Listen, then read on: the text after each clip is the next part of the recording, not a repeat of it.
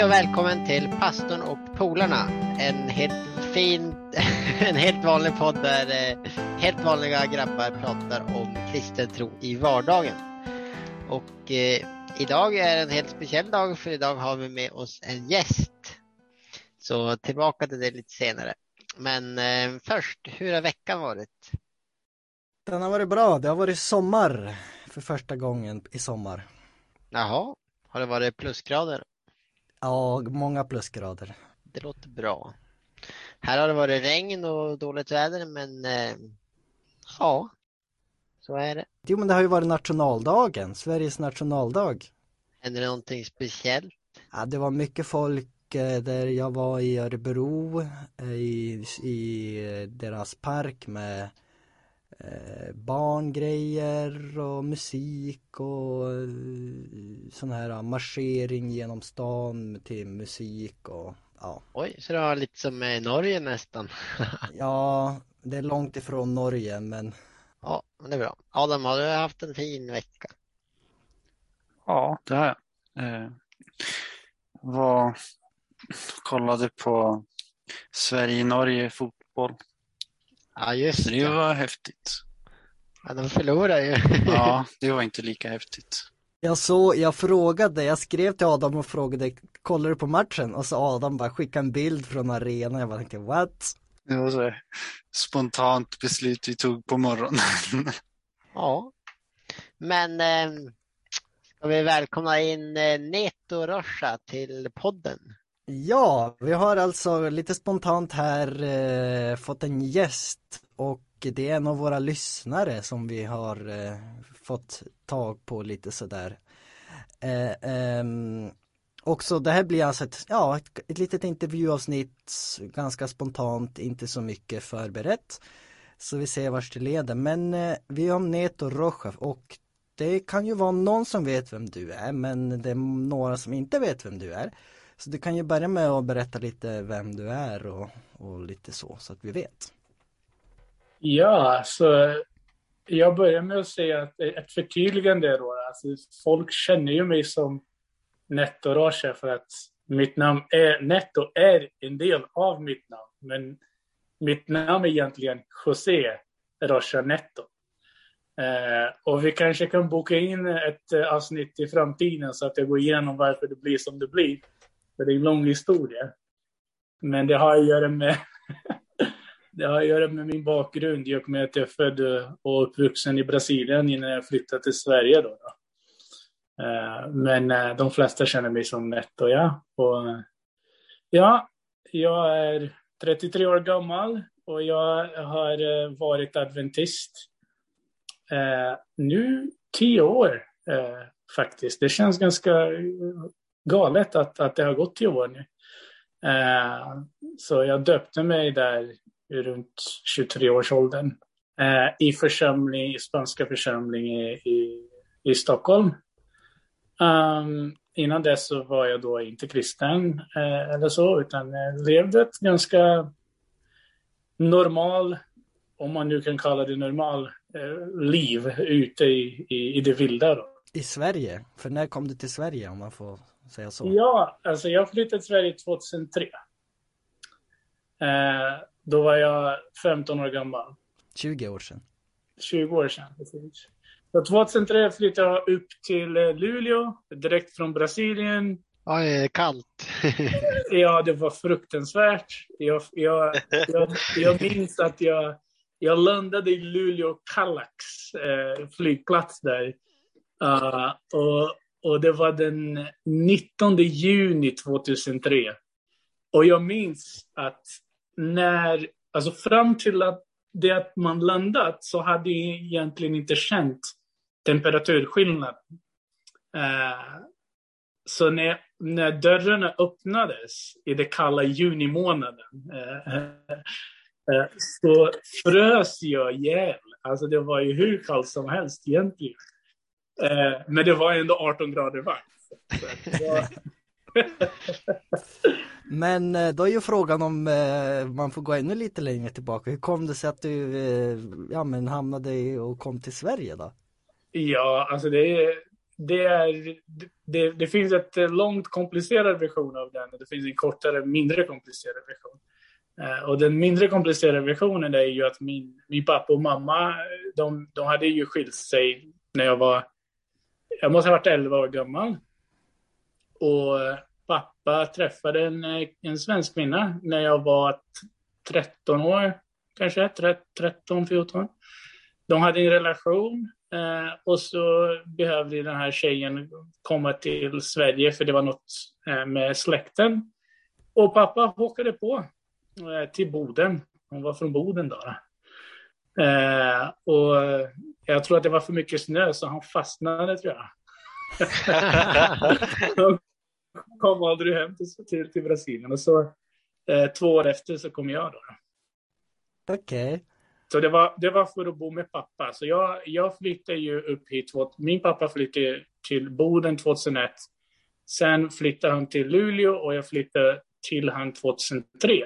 Och jag har ju då två bröder och en syster. De flyttade ju hit till Sverige. Eh, mina bröder flyttade ju hit två år efter mig, eller tre år efter mig ungefär. Och min syster då året därpå, fyra år efter mig. Så ni, jag tror att ni har träffat mina bröder och min syster. Mm. Ja, eh, Viktor och Vinicius, de är tvillingar. Ja. Men äh, växte du upp i en kristen äh, familj eller hur var det? För nu är du sa ju att du är adventist och kristen, men hur var det innan? Uh, nej, alltså min, när man växer upp i Brasilien, uh, då har ju, alltså det är ju svårt att inte um, se uh, Eh, religion. Alltså kristendomen är ju ganska utspritt, både frikyrkor och katolska kyrkan. Så vi hade ju sett och kommit i kontakt, men det är aldrig något som vår familj fastnade för. Så jag växte upp i ett okristet miljö. Alltså, ja, ingen, inget att gå i kyrkan, inget. Det, det, det jag gjorde egentligen, som är ju ett eh, under att jag klarade, det var ju söndagsskola. Men du vet, i Brasilien, i Sydamerika, så är det ganska, de, de är ganska, eh, eh, det är hårt och, och, mot barn för, för att de kommer ju till dig, alltså de som representerar eh, katolska kyrkan och säger ja, alltså det, det är viktigt att du går söndagsskolan om du någon gång vill gifta dig i kyrkan. Och, och då står du där som nioåring och bara, det är klart att jag vill gifta mig i kyrkan. så jag gick faktiskt söndagsskola, men jag minns ingenting av det. Liksom. Ja, ja. Nej, det var inte mer än så. Det var det, det lilla kristna ja, inflytande vi hade då. då. Okej, okay, så du är inte kristen och vi, när du är någonstans i tonåren så flyttar du till Sverige. Eh, och sen då, för att vad hände sen? Du, du blev kristen på något sätt i Sverige? Precis, så 2003 flyttade till Sverige, 2012 döpte jag mig och däremellan så hände det ganska mycket Eh, växte upp här och flyttade till Stockholm. Eh, här i Stockholm så eh, nya vänner, plugg eh, och sådana saker. Mina bröder flyttade hit. Ehm, men det som, hände, det som hände var att jag flyttade till Karlstad eh, för att studera. Jag gick i Polkan-programmet där 2008 till 2011. Och mitt i, i mina studentåren Eh, så eh, mina bröder egentligen, de, eh, de, de kommer ju att träffa ett par eh, adventister, kristna adventister som hade varit kristna förr och hade då lämnat sin tro. Men när de träffades och blev vänner ungefär samtidigt så var de har två vänner, två bröder. De var på gång att finna tillbaka till tron. Så mina bröder då, de bodde här i Stockholm och hade de här vänner och började genom den kontakten och, och kom i underfund med sin tro. Och jag befann mig då i Karlstad i universitetet och levde i studentlivet och inte ett enda eh, tanke om, om, eh, om religion och sådana saker. Men jag hörde från mamma då, då hon ringde ju en gång eh, orolig och sa till mig att eh, att någon hade hjärntvättat mina bröder till att döpa sig inom frikyrka. Liksom. Oj. Uh, och, då, och, då, och då blev jag lite orolig. så det var ungefär, eh, det var ungefär där det började. Uh, min, uh, min vandring. Jag, jag först tyckte att det var något dåligt skämt. Jag, jag, jag trodde inte mina öron när jag hörde att de uh, gick i kyrkan. Mina bröder går i kyrkan, det finns inte. Eh, men sen att de vill döpa. Jag visste inte ens vad döpa sig var. Jag, jag hade ingen för, jag, jag fattade inte vad det var för någonting. Um, så jag, ja, jag besökte Stockholm, kollade läget med dem. De verkade ändå normala. Uh, och sen spenderade jag ganska mycket tid. Jag spenderade ganska mycket tid på att uh, hitta motargument. Och, och, det brukar vara så att ibland när man, eh, om man eh, söker för mycket motargument så hittar man alltså, man, man hittar också argumenten för Gud eh, i, i mixen där. Så det var, det var det. Så mina bröder, på grund av olika omständigheterna, de, de egentligen de behövde flytta hem till mig, till Karlstad, under den tiden de blev kristna. Och det, det var där det blev påtagligt, för att jag, Ehm, jag försökte motbevisa dem uh, sin tro, men, men när jag kom i kontakt med dem och med, och med medlemmar i församlingen de gick i, de var så goda. De var, man kunde se att, att Gud verkade i dem. Och jag visste inte att det var Gud då, då men, men jag trivdes med dem. Och jag träffade en pastor som du känner ganska väl. Eh, han heter Lars Kille.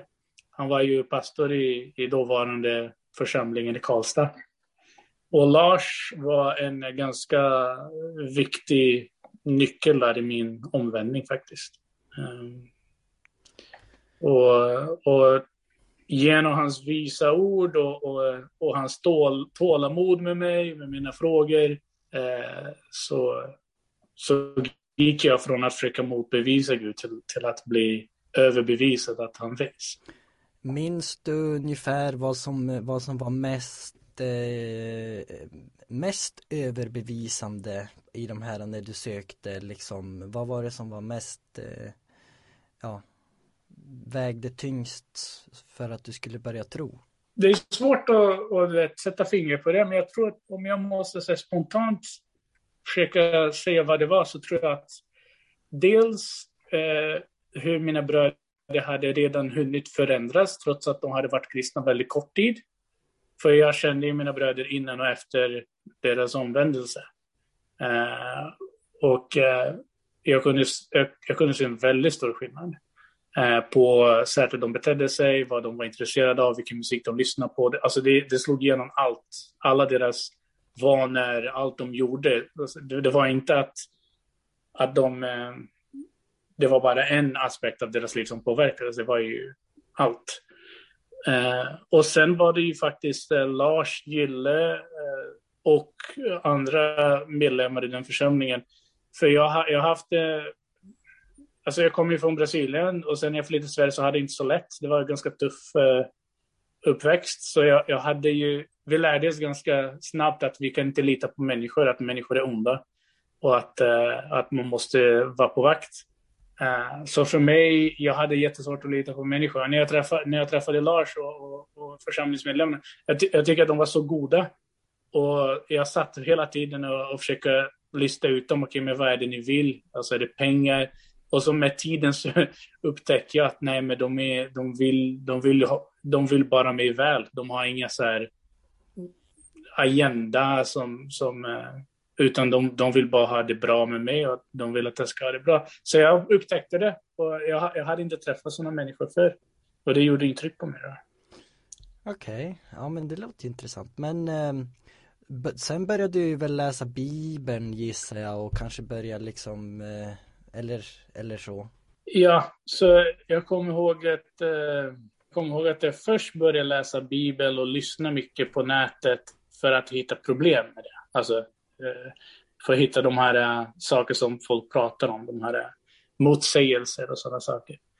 Eh, men jag blev mer och mer intresserad av religion. När jag, ju mer jag läste Bibeln, mer intresserad jag blev av själva Bibeln och inte så mycket av motsägelser och, och allt det här. Eh, och jag började ställa många frågor och jag tror att eh, jag tror att det är viktigt och det ser man också i Bibeln, man kan läsa om det i Bibeln, att, att det, är ett, eh, det är en kombination av saker som när de kommer ihop i, i rätt tid på rätt sätt. Kombinationen gör att människor eh, lättare kan uppleva den här omvändelsen. Så där var det ju att jag hade nyfikenhet i Bibeln och, och frågor. Jag hade eh, en församling som var väldigt god mot mig och tålmodig. Och så hade jag en pastor som var så vis i sina ord, alltså hans, hans svar och alla de här sakerna. Att de saker tillsammans flera gånger eh, om, om veckan eller, eller flera gånger i månaden, att det hände. Och den upplevelsen, den processen ledde ju till att jag, ja, att jag, så folk brukar komma, folk brukar fråga mig, när var det att du visste?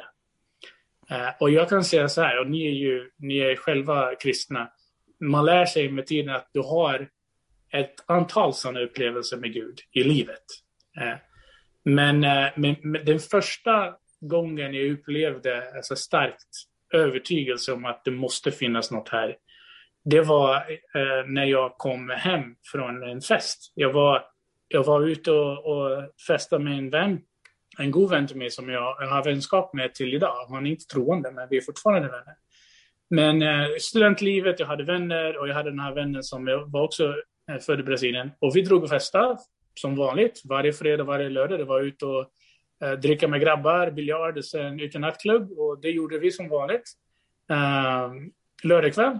Eh, och sen tre, fyra på natten som vanligt så drog vi hem till han däckade och så vaknade vi på morgonen med huvudvärk och hunger i magen. Eh, och en söndag, uh, av många sådana, så vaknade vi dödhungriga eh, och, och helt körda i huvudet. Eh, och då, då tänkte jag, men morsan, hon är ju på besök från Brasilien. Eh, så vi borde ju dra hem och käka, för jag är ganska säker på att det är god mat här. Så han bara, men det är klart. Så drog vi hem. Eh, så jag kom, jag kom hem med, med min polare runt 11 tiden på söndag, 11 på morgonen. Och till, eh, till vad jag trodde, till min, eh, till min sorg, så var ju pastorn där och hade bibelstudier med mina bröder. Så jag hade inte lust där bak med en polare till mig att sitta och ha bibelstudier med Lars. Liksom. Det går ju inte. Men jag kom hem och, och mamma höll på, på, på att laga lunch och jag tänkte att okay, jag vill äta den här maten så då måste jag väl stå ut med, med pastan. Det går inte att komma undan. Så jag kom ju dit och gre, grejen är, han är ganska trevlig så att det är svårt att bara säga nej till honom. Så såklart när jag kom in i lägenheten med min vän Eh, med hans trevliga leende så inviterar mig, eh, han mig till vardagsrummet och så sätter jag mig där med min vän och så sitter vi och snackar. De hade någon bibelstudie, jag minns inte vad, vad ämnet var. Men min vän då, han, eh, han var inte så jättepositiv inställd. Han tyckte att det hela var lite roligt. Bara. Så han, han fnissade, fnissade till här och där och, och kanske drog in lite så här skämt här och där och vad, det, vad som sades. Men eh, Lars och de andra som var där var ganska tålmodiga ändå och kärleksfulla, så de förstod ju att han var... Men jag, jag blev ju jag blev lite småirriterad på det, för det, vet, han, de har ju sin studie, de tror på vad de tror på. Så efter tredje, fjärde skämtet så höll jag på att bli lite irriterad på min polare, för jag vill att han ska bara vara tyst och, och bete sig till formatet. Liksom. Uh, så när han drar typ sitt femte skämt så, så blir jag faktiskt lite irriterad, irriterad och säger ifrån. Eh, och då säger jag till honom, alltså, var, alltså jag, jag minns, alltså, jag, jag sa ungefär så här, att, var, varför, varför är du så jobbig? Alltså, var, var, varför är du så skämtsamt? Alltså, det här är ju seriöst för dem, de tror på det här. Eh, du, du tror inte på det, men, men det gör de. Liksom. Men, men ärligt talat, och, och då sa han även ifrån, tror jag, att, men nej, lugna ner dig. Jag lugna ner mig, men, men tänk på det, alltså, de, de, har, de tror på det här och de har ett gott liv, de är glada, de, de verkar vara fridfulla. Eh, de sitter här och har det trevligt, så kommer vi och ska förstöra för dem. Och kolla på oss, sa jag till honom. Alltså vi har inte den friden och den lycka de har. Vi festar och dricker, vi varje helg går ut till samma ställen, vi dricker samma slags dryck, vi umgås med samma slags människor, vi lyssnar på musik vi, vi inte ens gillar egentligen, för det är så här, nattklubbsmusik är det värsta som finns. Och så eh, gör vi det fram till tre fyra på natten, kommer hem, däckar, vaknar nästa dag. känner oss drägliga och, och trötta och ångerfulla. Vad har vi gjort? Liksom? Eh, och, det gör, och, och, vi gör det varje helg. Och vi kommer, göra, vi kommer göra det här igen nästa helg. Alltså ser du inte vad olyckliga vi är? Det, alltså det är det jag säger, jag har den här ranten. eh, och, och precis när jag säger så här så säger jag, vi är, alltså vi, vårt liv suger, ursäkta språket, eh, deras liv, det verkar som de har det bra. De har tagit ett val. Det har inte vi. Så låt dem vara. Liksom. Men när jag sa det här, så för mig, jag, jag, vet att kanske för de andra som var de inser inte vad som händer, men inombords så hör jag det jag säger till mig själv. Alltså i den stunden, när, när, när min rant var över, så bara vänta en sekund, jag säger det här till mig själv. Jag, jag har egentligen ett val. Jag behöver inte nästa helg superskallen av mig och, och, och, leva som, som på ett sätt jag inte längre är intresserad. Um, och det var, det var den, den söndag som allt startade för mig. Alltså, allt föll på plats. Ja, mycket intressant. Okej, okay, men eh, lite fast forward då, då eh, idag då, så här, vad sa du, tio år efter du har varit kristen, hur, eh, vad, hur tänker du idag då? Och liksom, ja, om du skulle ha mött dig själv för tio år sedan eller så? Ja, alltså, jag kan säga så här, jag tackar Gud för det jag gick igenom och att jag är under hans frälsning idag. Jag tackar Gud för det livet han har gett mig. Eh, och jag tackar Gud för trots mina tillkortakommanden och trots mina, eh, mina misstag under de här tio åren efter jag träffade honom. Att han är så nådig.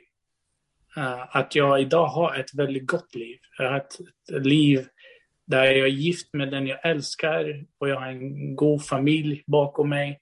Eh, jag har ett andligt liv och vänner och intressen. Och jag, jag, jag lämnade mycket bakom mig när jag blev kristen. Jag förlorade vänner eh, som inte var intresserade av sånt där. Eh, men jag vann en hel ny eh, skara av människor bakom mig.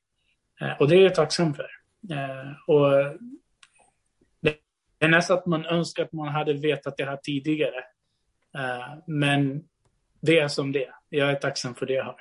Intressant berättelse för ja, vi tycker om sådana här berättelser när människor har hittat Gud och när det har varit betydelsefullt och nu, jag vet, man gillar en sån sån omvändelseberättelse för då ser man att Gud är verklig, han finns och han påverkar människor och eh, ja, men jag tycker det var intressant det där att det var liksom du blev lite eh, missionär till dig själv på den där kvällen. Du sa någonting som bara hoppsan, det där sa jag till mig själv. Ja, det var, det var som att, som sagt, om du skulle kanske fråga någon som var där, då, det kanske inte var något märkvärdigt. Men för mig, det var som att tiden stannade där. Och jag insåg att, att jag kan faktiskt göra något annat med, med, med mitt liv. Jag hade inte förstått det fram tills dess. Så det var, det var som, eh, du vet, i, i, i Lukas, eh, i, i Lukas brev så, så finns det ju liknelse om den förlorade sonen. Uh, och det är eh, Lukas 14, 17 så står det eh, att han, att eh, efter sonen drog ut i världen med pengarna som inte var hans egentligen och levde livet, om man ska se det klart och tydligt vad som hände där. och efter alla pengarna var borta och alla hans vänner var borta och han inte hade något kvar och han, han befann sig med grisarna, så att säga, med svinen, eh, så kom han till eh, sin besinning. Han kom till insikt, han, han vaknade, han, eh, han eh, förstod. Eh, och jag kan verkligen, alltså det, den versen, det, det, är ju den versen jag tänker på när jag tänker på min upplevelse där. Eh, att, att från ingenstans allt blev klar. Okej, okay, jag är en syndare men jag behöver inte fortsätta vara en sån jag kan jag kan låta Gud och Guds nåd eh, lysa genom mig. Uh, jag har ett val, jag har ett alternativ, jag har ett, ett liv som jag kan leva som inte ser ut som det livet jag lever nu. Mm. Okej, okay, men om vi ska börja avrunda här nu då, om du, vad skulle du säga till, eh, vad skulle du säga till någon som lyssnar eller någon som känner någon som kanske är lite sådär halvt, vet inte vad man tror eller vet inte liksom, ja, ska jag vara med i kyrkan, ska jag inte och, och nu efter corona och, och allting. Vad, vad, vad skulle du säga till en sån person om du fick chansen? Ja, det är en bra fråga alltså.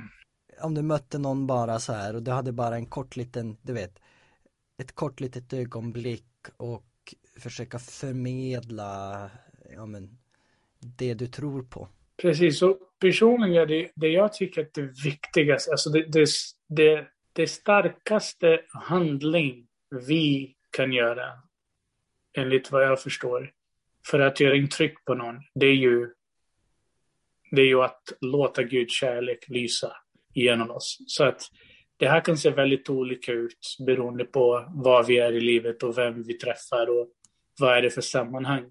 Men när jag tänker tillbaka, det är det som gjort störst intryck på mig. När jag kollar på de människorna uh, i min kristna behandling som gjort intryck på mig, det har varit människor som i det lilla de förstod om Gud och Guds kärlek, de levde det. Och det gjorde så stort intryck på mig.